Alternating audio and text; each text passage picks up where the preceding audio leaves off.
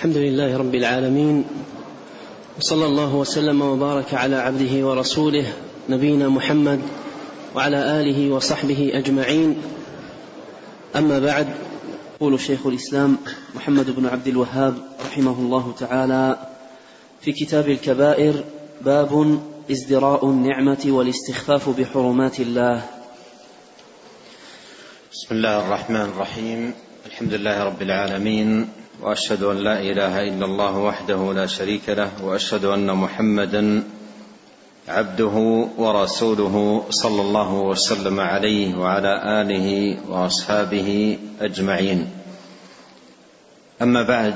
هذه الترجمه باب ازدراء النعمه والاستخفاف بحرمات الله موجوده في بعض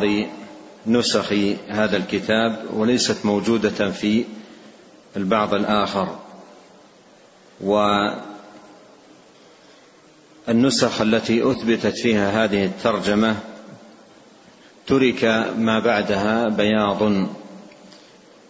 فإذا كان هذا من صنيع المصنف رحمه الله تعالى فيكون ترك البياض ليلحق فيما بعد ما يتعلق بهذه الترجمة من أدلة قوله باب ازدراء النعمه ازدراؤها اي احتقار النعمه وانتقاص النعمه والاستهانه بها وهذا مما لا يليق بالمسلم بل هو من كفران النعم والنعمه لا تزدرى ايا كانت بل يشكر المنعم سبحانه وتعالى عليها وشكره جل وعلا على القليل مؤذن بالزياده كما قال الله سبحانه وتعالى واذ تاذن ربكم لئن شكرتم لازيدنكم ولئن كفرتم ان عذابي لشديد واما ازدراء النعم الذي هو انتقاصها واحتقارها مؤذن بالعقوبة والهلاك لأن هذا من كفران نعمة الله سبحانه وتعالى على عبده وقد جاء في الحديث عن نبينا صلوات الله وسلامه عليه أنه قال انظروا إلى من هو دونكم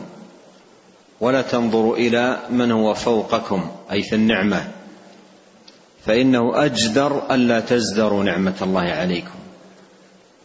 فإنه أجدر ألا تزدروا نعمة الله عليكم لأن نظر الإنسان إلى من هو أعلى منه في النعمة تجارة في المال في المسكن في المركب نظره إلى هؤلاء يورثه ازدراء للنعمة أما إذا نظر إلى من هو أقل منه في النعمة فإن هذا يورث شكر المنعم سبحانه وتعالى ولما نبه نبينا صلوات الله وسلامه عليه هذا التنبيه افاد ذلك ان ازدراء النعمه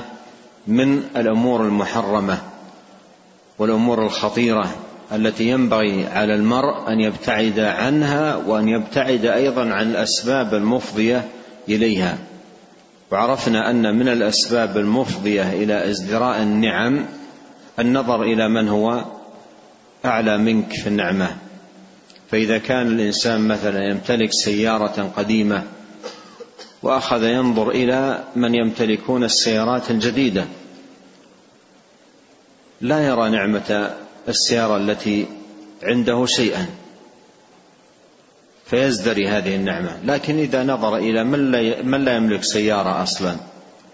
ويجد صعوبة في التنقل من مكان إلى مكان يحس بأن هذه السيارة نعمة فيشكر الله سبحانه وتعالى أن يسرها له ومثل ذلك قل في سائر النعم فالشاهد أن ازدراء النعم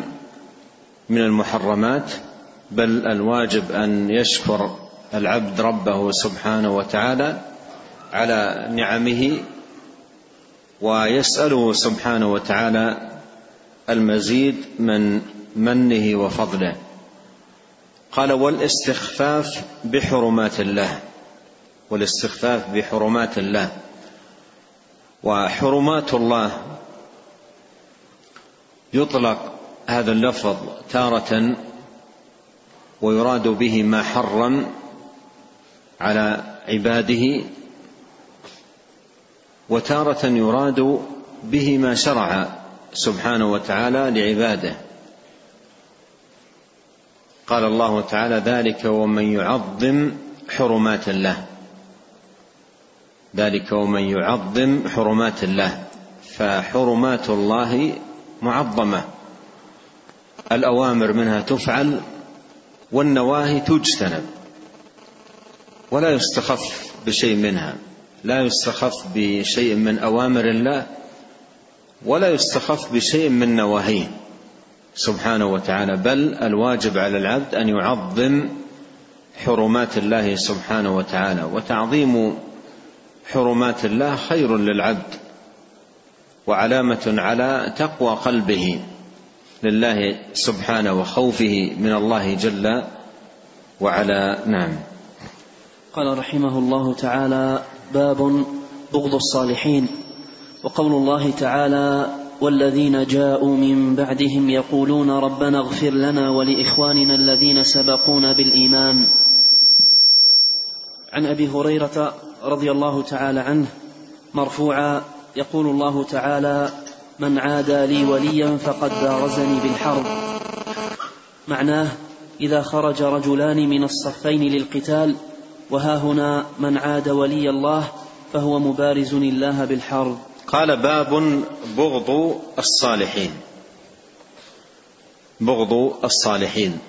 بغض الصالحين اي ان يضمر الانسان في قلبه بغضه او بغضه للصالحين والبغض ضد المحبه وفي الحديث اوثق عرى الايمان الحب في الله والبغض في الله وفي الحديث الآخر من أحب لله وأبغض لله وأعطى لله ومنع لله فقد استكمل الإيمان فالأصل في المسلم أن يحب الصالحين يحبهم لصلاحهم وإيمانهم وتقواهم لله عز وجل وفعلهم لأوامر الله سبحانه وتعالى وبعدهم عما نهى الله جل وعلا عنه وهذا الحب للصالحين هو من علائم الإيمان ودلائله لأن النبي صلى الله عليه وسلم أخبر أن أوثق عور الإيمان الحب في الله والبغض في الله فحب الصالحين أن يكون في قلب الإنسان محبة للصالحين هذا من علامات الخير فإذا انعكس الأمر وأصبح والعياذ بالله يبغض الصالحين فهذا من علامات النفاق هذا من نعم. علامات النفاق ومن علامات مرض القلب والعياذ بالله ولهذا اورد رحمه الله هذه الترجمه في كتاب الكبائر باب بغض الصالحين مبينا رحمه الله تعالى ان بغضهم هذا من علامات مرض القلب من علامات مرض القلب والبغض البغض عمل قلبي لا يفتقر الى اظهار ليترتب عليه الحكم ان اظهر الانسان ان اظهر الانسان ما يترتب على البغض من عداوات ومن اذى ونحو ذلك فهذا شر على شر واثم على اثم فالبغض بحد ذاته اثم وهو عمل من اعمال آه، القلوب هل ينطبق على هذا الذي في قلبه بغض بالصالحين ولم يترتب عليه فعل اذى او عدوان او نحو ذلك هل يترتب عليه ما جاء في الحديث ان النبي صلى الله عليه وسلم قال من هم بسيئه فلم يعملها هل يترتب وينطبق عليه هذا الحديث فرق بين الهم الذي لا يعزم عليه العبد فهذا لا لا يكتب عليه سيئه بل إن ترك هذا الهم من أجل الله كتب له حسنة وبين أعمال القلوب التي هي بحد ذاتها إثم مثل البغض مثل الحسد كما سيأتي والغل وغير ذلك هذه أمراض قلوب وأعمال قلبية يحاسب الإنسان عليها مثل ما يحاسب على عمله الظاهر ومثل ما أن المرء مطالب بإصلاح ظاهره فإنه كذلك مطالب بإصلاح باطنة فلو لم يوجد في, في المرء إلا البغض بدون أن يترتب عليه الأعمال التي تنشأ عن البغض فهو آثم بذلك ومتعرض لعقوبة الله سبحانه وتعالى قال وقول الله تعالى والذين جاءوا من بعدهم يقولون ربنا اغفر لنا ولاخواننا الذين سبقونا بالايمان والذين جاءوا من بعدهم اي من بعد الصحابه لان الايتين اللتين قبل هذه الايه في الصحابه الاولى في المهاجرين والثانيه في الانصار قال ولا قال للمهاجرين الذين اخرجوا من ديارهم ها أه نعم من ديارهم يبتغون فضلا من الله ورضوانه وينصرون الله ورسوله أولئك هم الصادقون والذين تبوأوا الدار والإيمان من قبلهم يحبون من هاجر إليهم ولا يجدون في صدورهم حاجة مما أوتوا ويؤثرون على أنفسهم ولو كان بهم خصاصة ومن يوق شح نفسه فأولئك هم المفلحون والذين جاءوا من بعدهم أي من بعد المهاجرين الذين ذكروا في الآية الأولى والأنصار الذين ذكروا في الآية الثانية ما صفتهم قال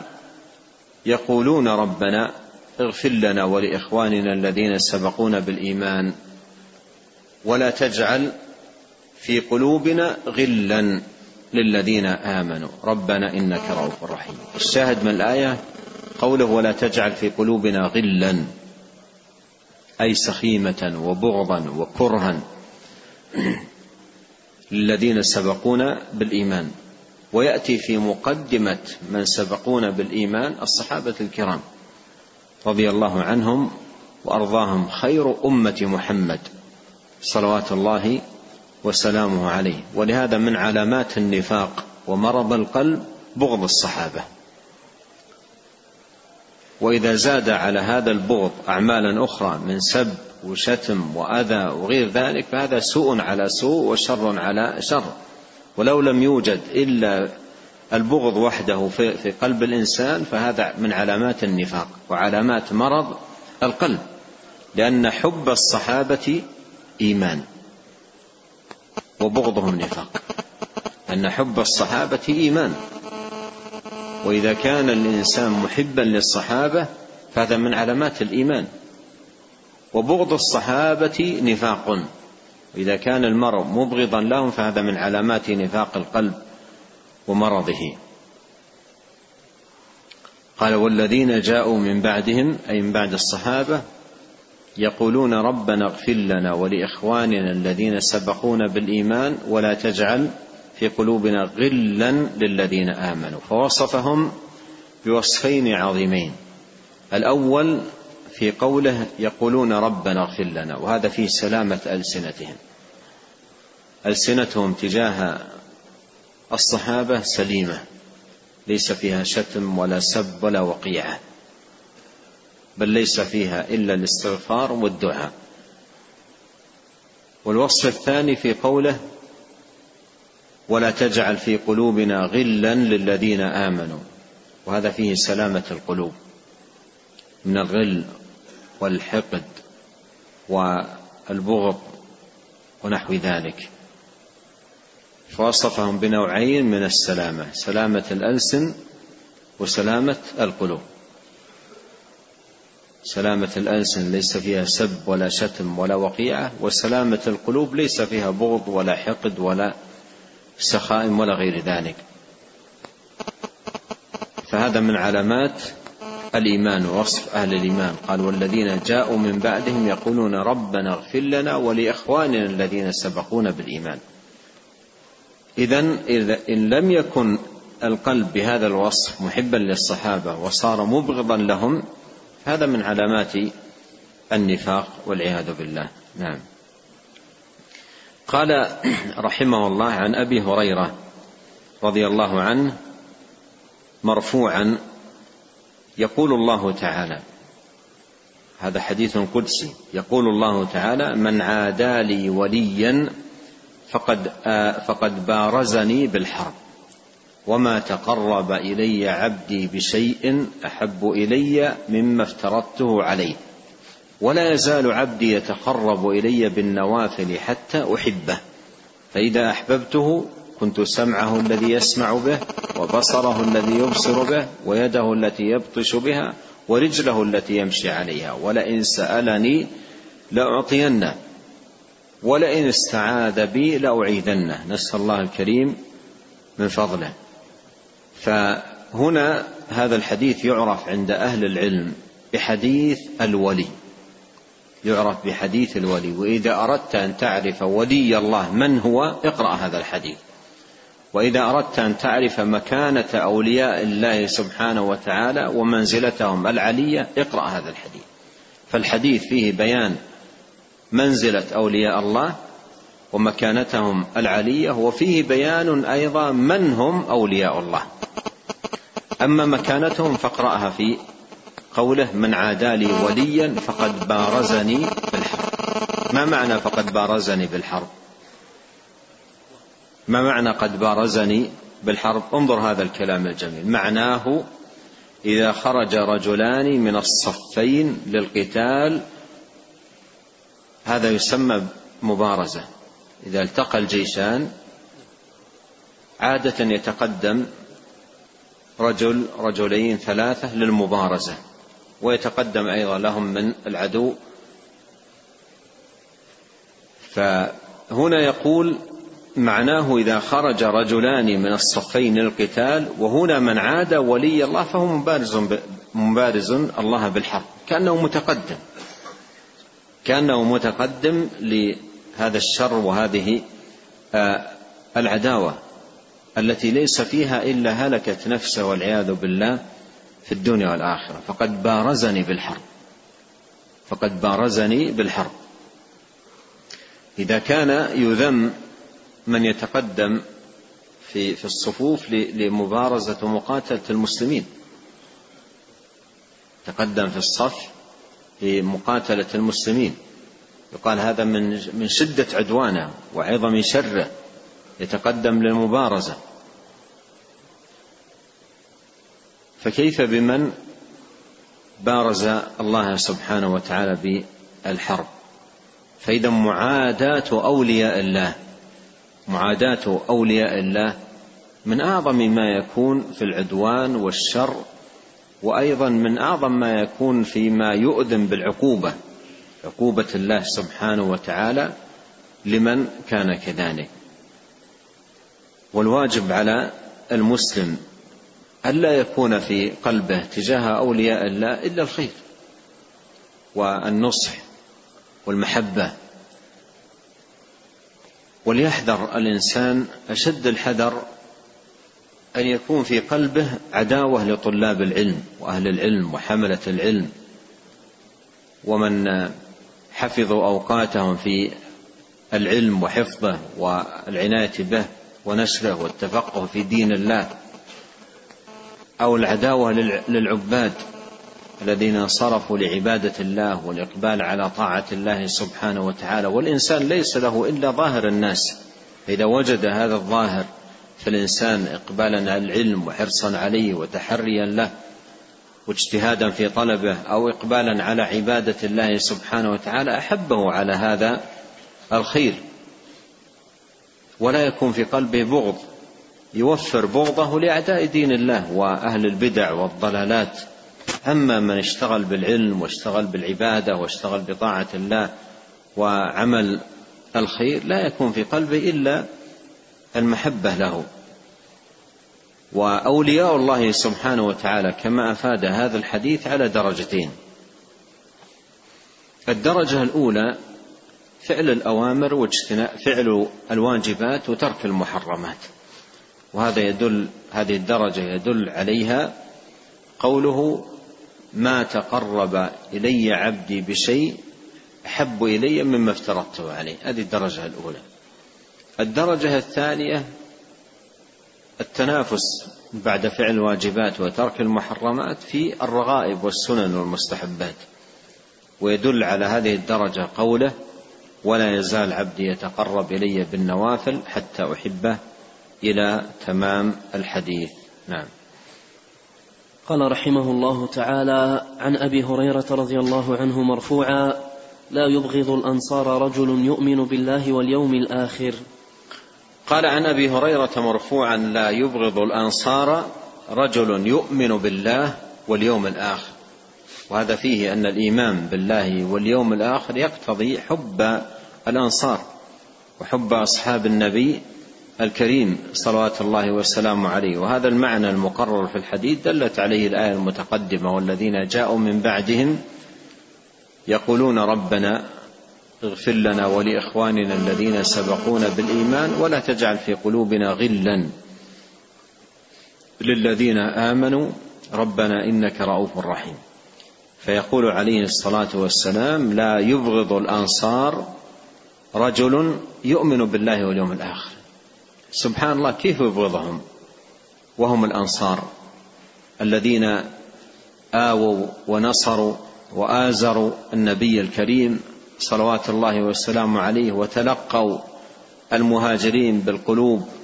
المنشرحة والصدور الرحبة والتحية والترحيب قاسموهم أموالهم بالنصف وأعانوهم وآزروهم ونصروا دين الله تبارك وتعالى فلا يبغض الأنصار إلا إلا منافق إلا مريض القلب بالنفاق فآية الإيمان حب الأنصار وآية النفاق بغض الأنصار لا يبغضهم إلا منافق كيف يبغضهم وهم أنصار دين الله سبحانه وتعالى وأنصار الرسول الكريم صلوات الله وسلامه وبركاته عليه وذكر الإيمان بالله واليوم الآخر لأن الإيمان بالله باعتبار أن الله هو المقصود بالعبادة ومن ذلك أنه هو هو جل وعلا المقصود بحب الصالحين فأنت تحب الصالحين من أجل الله تقربا بذلك إلى الله سبحانه وتعالى فهو المقصود بهذا العمل مقصود بكل عبادة وذكر اليوم الآخر لأن اليوم الآخر هو دار الجزاء والحساب فإذا أحب الصالحين أثابه الله عز وجل في ذلك اليوم وإذا أبغضهم عاقبه الله سبحانه وتعالى في ذلك اليوم وفي الدعاء الماثور اللهم إنا نسألك حبك وحب من يحبك والعمل الذي يقربنا إلى حبك نعم قال رحمه الله تعالى باب الحسد وقول الله تعالى أم يحسدون الناس على ما آتاهم الله من فضله قال باب الحسد الحسد أيضا مرض من أمراض القلوب والحسد هو كراهية النعمة كراهية النعمة ولهذا يسمى أو يوصف الحاسد بأنه عدو نعمة الله على عباده وكل ما زادت النعمة زاد في قلب الحاسد حسده لأن لأن في قلبه عداوة لنعمة الله على عباده عداوة لنعمة الله سبحانه وتعالى على عباده ولهذا يوصف بأنه عدو النعمة عدو نعمة الله على عباده وهو بحسده لم يرضى النعمة ولم يرضى التدبير ولم يرضى القضاء والقدر ولم يرضى علم الله سبحانه وتعالى ومنته على عباده وفضله سبحانه وتعالى فالحسد صفه ذميمه وليست من اوصاف اهل الايمان وانما من اوصاف اهل الكفر والضلال وليست من اوصاف الايمان لان آه، الايمان ينافي الحسد ويطرد الحسد من القلب لان القلب المخلص لله عز وجل الذي فيه الرضا بقضاء الله ومنه جل وعلا لا يحسد الآخرين على نعمة الله التي أنعم الله سبحانه وتعالى بها على عباده وإمام الحاسدين وأول من عرف بالحسد إبليس وحسده كان لأبينا آدم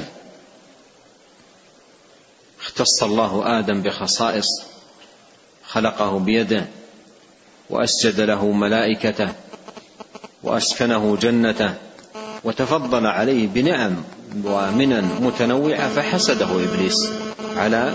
نعمه الله سبحانه وتعالى عليه وقال انا خير منه خلقتني من نار وخلقته من طين حسد آه، آه، ابانا ادم على ما خصه الله سبحانه وتعالى به وعلى ما من عليه به من النعم المتنوعات فابليس هو امام الحسده وقدوتهم وكل حاسد فيه شبه من ابليس في هذه الخصله والحسد صفه اليهود والله سبحانه وتعالى وصف اليهود بذلك في غير ما ايه منها هذه الايه الكريمه ام يحسدون الناس على ما اتاهم الله من فضله فاليهود حسده يحسدون أهل الإيمان على من آت ما آتاهم الله سبحانه وتعالى من فضله وكما أنهم يحسدون الإيمان أهل الإيمان على الإيمان فإنهم يحسدونهم أيضا على تفاصيله مثل حسدهم لنا على التأمين وغير ذلك من الأعمال التي جاءت وجاء بها النبي الكريم صلوات الله وسلامه وبركاته عليه نعم قال رحمه الله تعالى عن انس رضي الله عنه مرفوعا لا يؤمن احدكم حتى يحب لاخيه ما يحب لنفسه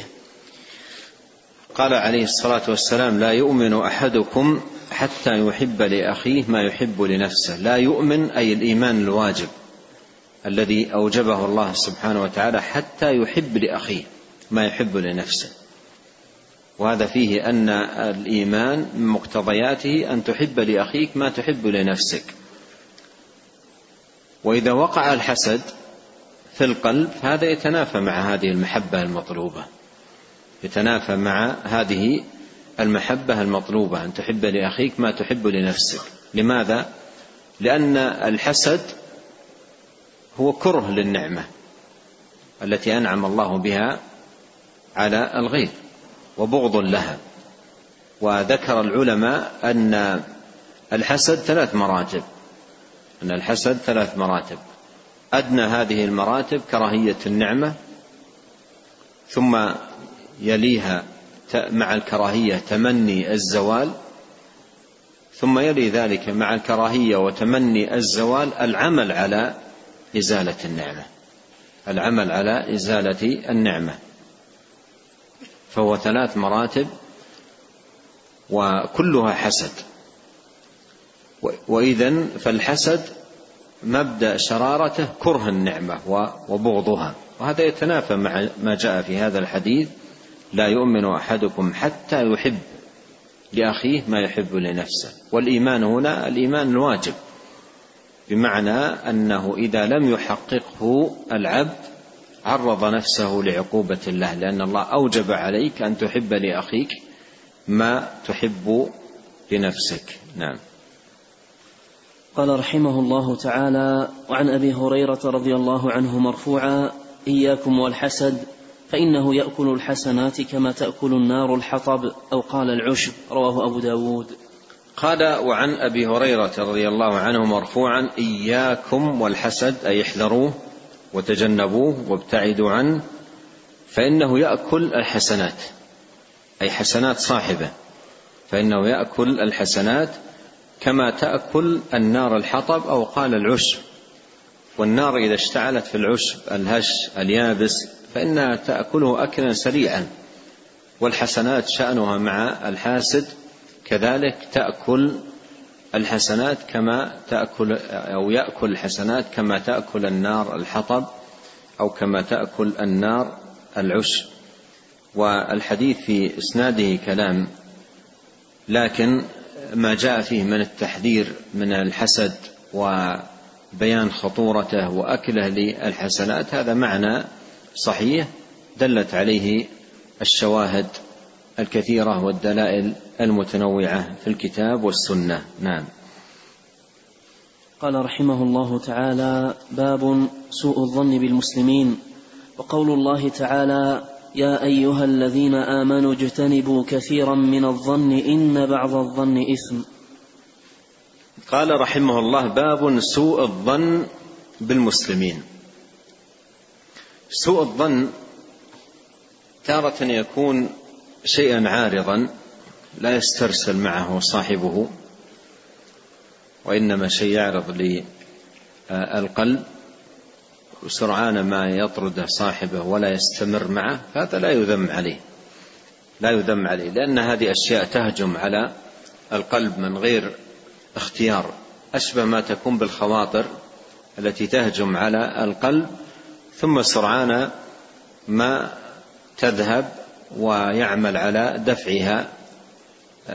المرء المسلم الناصح والنوع الثاني هو ما يستمر عليه صاحبه ويستقر في قلب الانسان وهذا الذي يذم عليه الانسان هذا الذي يذم اما الخواطر التي تاتي عرضا وتذهب ويطردها الانسان بايراد الاحتمالات الحسنه عندما يرد مثلا الخاطر السيء الذي فيه سوء ظن بالآخرين يبدأ الإنسان يدفع يقول لا لعله كذا ولعله كذا ولعله حتى ينطرد هذا لا يذم عليه لأنه هجم على قلبك وعملت على طرده من القلب فهذا لا يضر أما الذي يضر هو سوء الظن الذي يستقر في القلب ويستمر عليه الإنسان وينميه في في قلبه يؤكده ويثبته هذا يذم عليه الإنسان هذا يذم عليه الإنسان قال الله تعالى يا أيها الذين آمنوا اجتنبوا كثيرا من الظن إن بعض الظن إثم لأنك إذا ظننت في أخيك سوءا أو شرا ثم تبين أنك أن أنه على خلاف ذلك فهذا الظن تكون آثما هذا الظن الذي استقر في قلبك ولم تعمل على طرده بل ثبته واستقر في قلبك وبقيت تحمل في قلبك لاخيك هذا الظن السيء ثم تبين انه بخلاف ذلك فهذا ياثم الانسان عليه وهو من امراض القلوب التي ينبغي على المسلم ان يتجنبها نعم قال رحمه الله تعالى عن ابي هريره رضي الله عنه مرفوعا اياكم والظن فان الظن اكذب الحديث رواه مسلم قال صلوات الله وسلامه عليه اياكم والظن اي احذروا لا لا يجوز للانسان ان يبني اموره على الظنون والاوهام اياكم والظن فان الظن اكذب الحديث فإن الظن أكذب الحديث إذا كان الإنسان يبني أحاديثه على مجرد الظنون مجرد الظنون دون أن يكون عنده يقين أو جزم بذلك فما يبنى على الظن في الغالب كله كذب في الغالب كله كذب فإن الظن أكذب الحديث ولهذا الواجب على الإنسان إذا عرض الظن السيء تجاه إخوانه المسلمين في في قلبه فليحرص على دفعه وطرده بإيراد المحامل الحسنة مثل ما نقل عن عمر بن الخطاب رضي الله عنه أنه قال لا تظنن بكلمة قالها أخيك سوءا وأنت تجد لها على الخير محملا حاول أن تجد محامل على محامل من محامل الخير تحمل عليها كلمته التي قالها او فعله الذي قام به لعله اراد كذا لعله قصد كذا لعله لم ينتبه لعله الى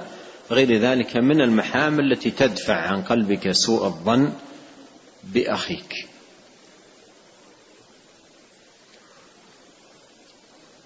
نعم قال رحمه الله تعالى باب ما جاء في الكذب على الله او على رسوله